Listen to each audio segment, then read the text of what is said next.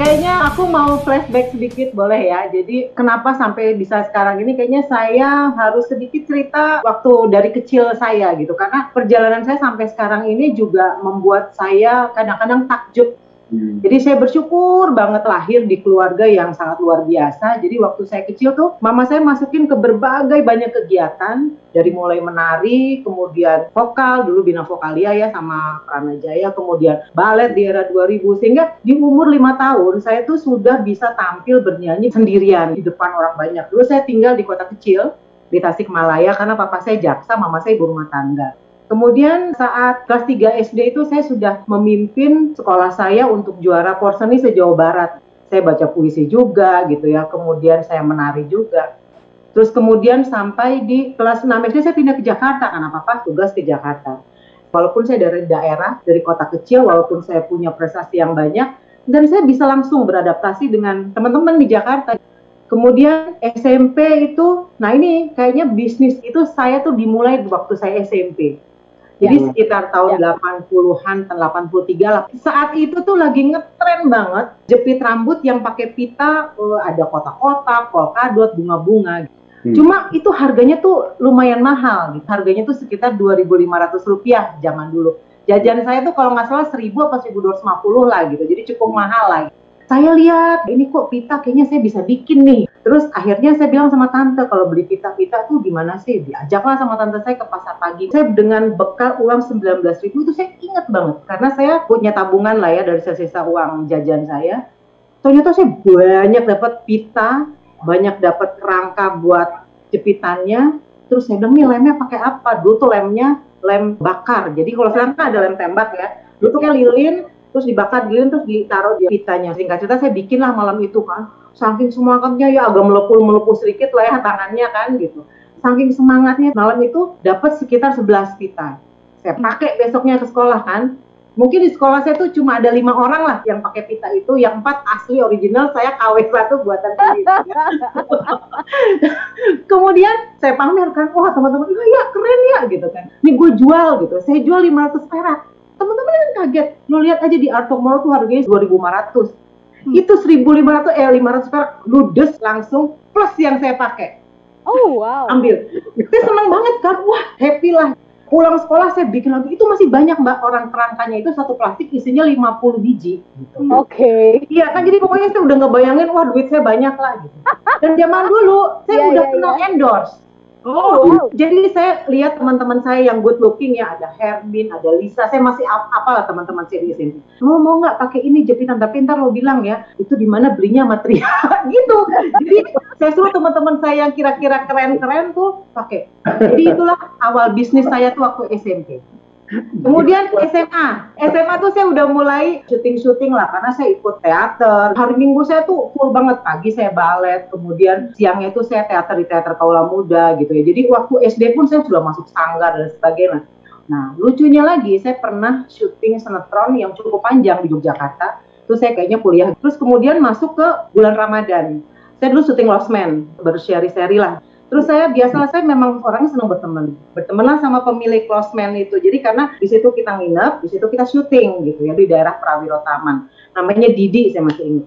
Biasalah kan anak-anak usia gitu ya, sama-sama ada Edi Sundari, ada siapa gitu. Kita jalan-jalan buka puasa di UGM tuh penuh yang jualan kan buat buka puasa sudah oh, boleh juga nih kita jualan di sini gitu ya dengan modal yang apa heboh-heboh zaman bahula itu kan gitu akhirnya pagi-pagi kita rencana ngumpulin duit pagi-pagi ke pasar Beringharjo bikin tuh kolak bikin kolak segala macam. Dasar kan namanya juga baru belajar sama waktunya ya agak-agak bangun ya. siang. Jam 5 itu kita baru nyampe UGM tuh kan udah mau maghrib. Ini oh, udah pada habis jual kita baru datang kan di mobil. Terus pas udah mau maghrib saya lihat tengah jalan kan ada bis saya berhenti. Stop saya bilang berhenti. Bapak-bapak ibu-ibu sebentar lagi udah mau maghrib. Silahkan ini kolaknya dibeli. Teman saya jadi kolak dibeli tuh. Sama orang satu bis kan udah iya, iya, iya. wartawan. Besoknya saya keluar di Bernas, koran Bernas, koran hmm. salah satu koran terbaik di Jogja di halaman depan. Kolak Ratu Tria laris manis.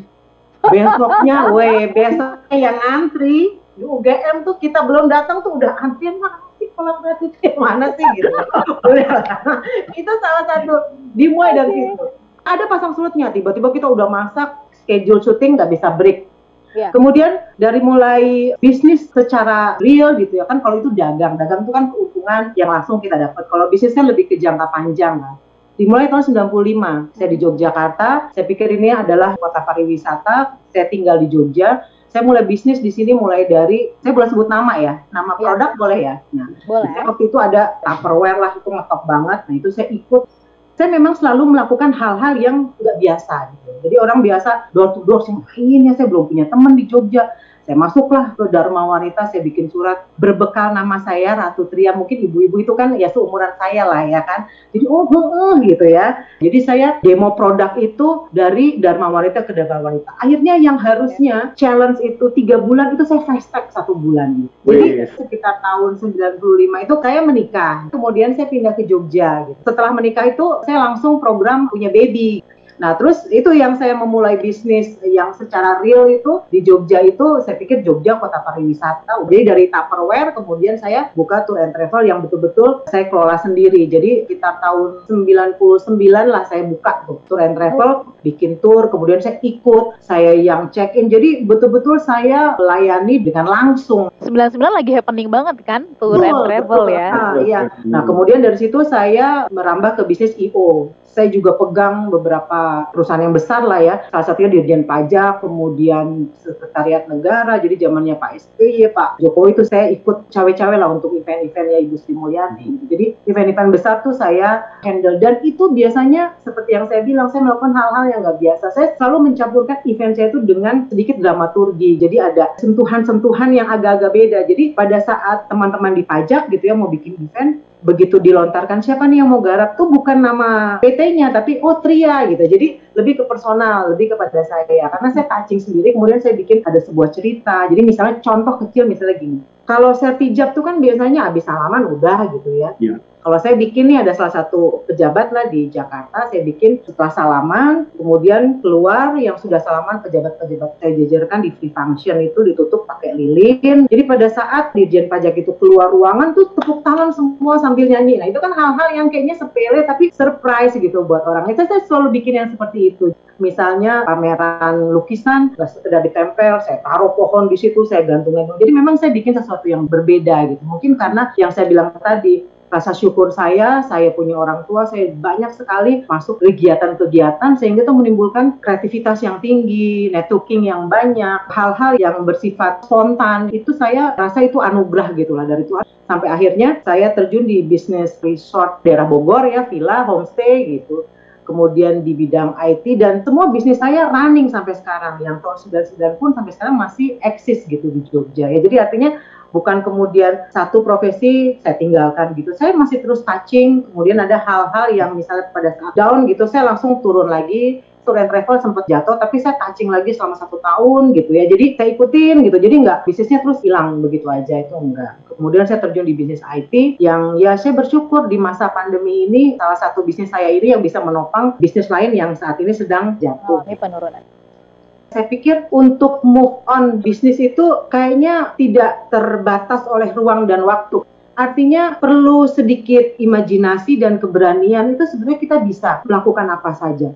Dan saya memang dibentuk oleh orang tua saya, orang oleh mama saya gitu terutama karena saya anak perempuan pertama harus menjadi saya dulu waktu kecil dipanggil Neng, Neng, Neng tuh mesti kuat karena hmm. anak perempuan pertama gitu, nggak boleh cengeng, muka itu nggak boleh sedih, harus selalu. Jadi ketemu siapa pun harus Hai gitu. Dan itu terbawa sampai sekarang gitu. Jadi itu yang mama saya ajarkan. Jadi ketemu siapa pun tuh pokoknya pengen happy aja suasana gitu.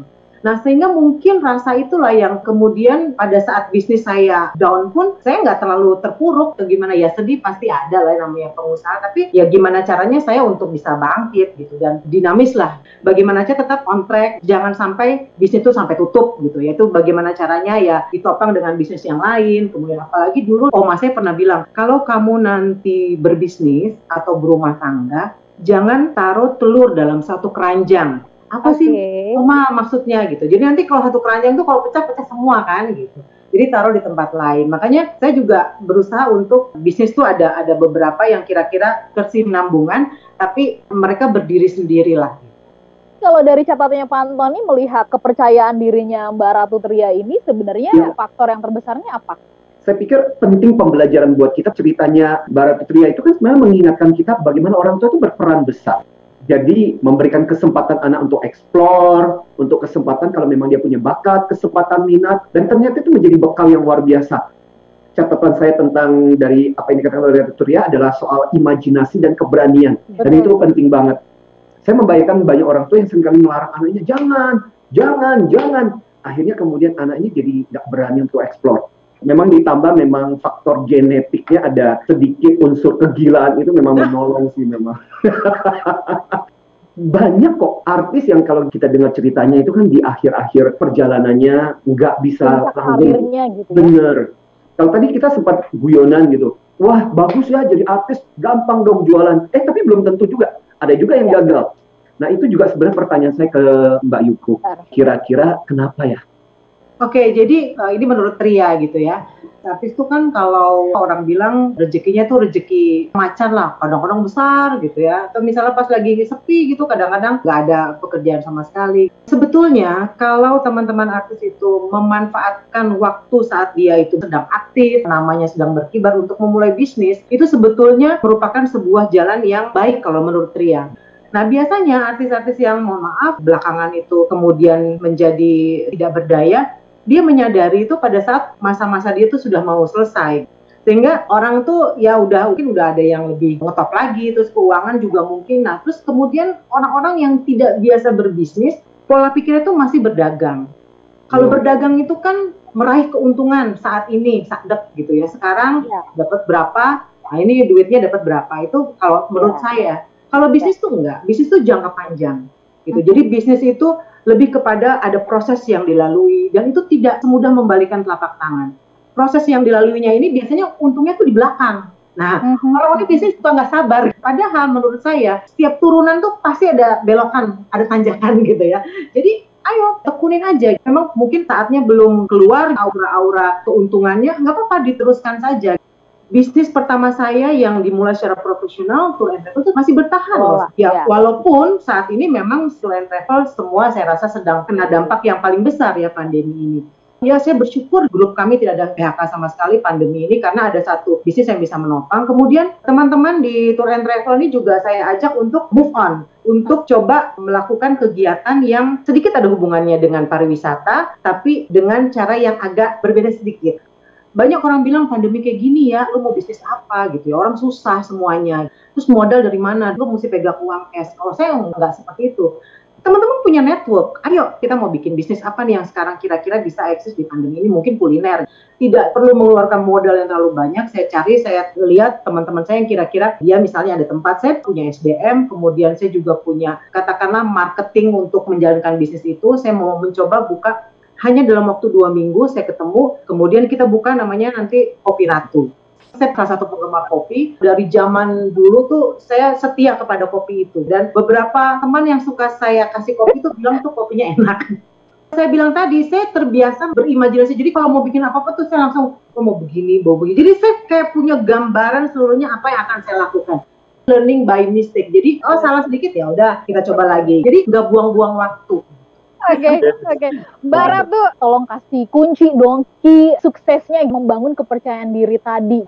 Sebetulnya kuncinya itu ada pada diri kita sendiri. Apa yang mau kita lakukan, eh duit lakukanlah. Jangan terbelenggu sama takut ini, takut itu. Itu saya gregetan. Tapi tetap harus ada perencanaan. Kita mau bikin apa? Jangan kita mau bikin kopi yang kita nggak tahu kopinya itu rasanya bagaimana. Itu namanya main tabrak aja itu juga nggak benar. Coba dipikirkan kira-kira apa sih yang menjadi passion kita yang jadi sesuatu yang berbeda dari profesi kita sekarang ini. Misalnya berkaitan dengan hobi, hobi tanaman, jangan cuma sekedar tanam. Ayo coba, saya juga hobi tanaman anggrek saya bagus-bagus di belakang ya.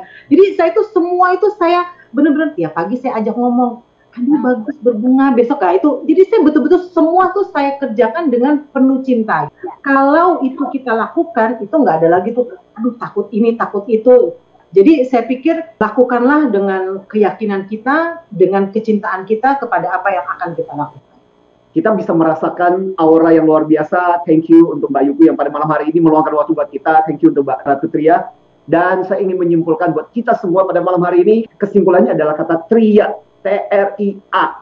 Pertama-tama tahu dan manfaatkan momentum. Tadi dikatakan yang bagus, banyak artis yang waktu sukses lupa. Tapi yang luar biasa adalah dikatakan oleh Ratu Tria bahwa justru pada saat ketika kita sukses berhasil gunakan momentum itu. R, risk taking, ambil resiko. Kita tidak pernah tahu kemampuan kita kalau kita tidak ambil resiko. I, invest untuk jangka panjang. Sekarang nggak mungkin kelihatan, tapi di jangka panjang mungkin nanti akan ada hasilnya. Kemudian A, ambil kesempatan learning by mistake. Sambil kita belajar, bikin kesalahan, ya sudah kita tingkatkan lagi, tingkatkan lagi. So, kesimpulan saya terakhir, di setiap profesi selalu ada transisi. Meski mungkin tak selamanya kita terus menerus di satu sisi. Intinya kita nggak boleh pucat pasi saat kita dipaksa untuk berpindah sisi. Makanya pastikan kita tetap punya kemampuan dan berisi. Supaya dengan pekerjaan apa pun selalu serasi. So, buat kamu yang mengalaminya, jadikan diri sebagai inspirasi buat mereka-mereka yang ingin alih profesi.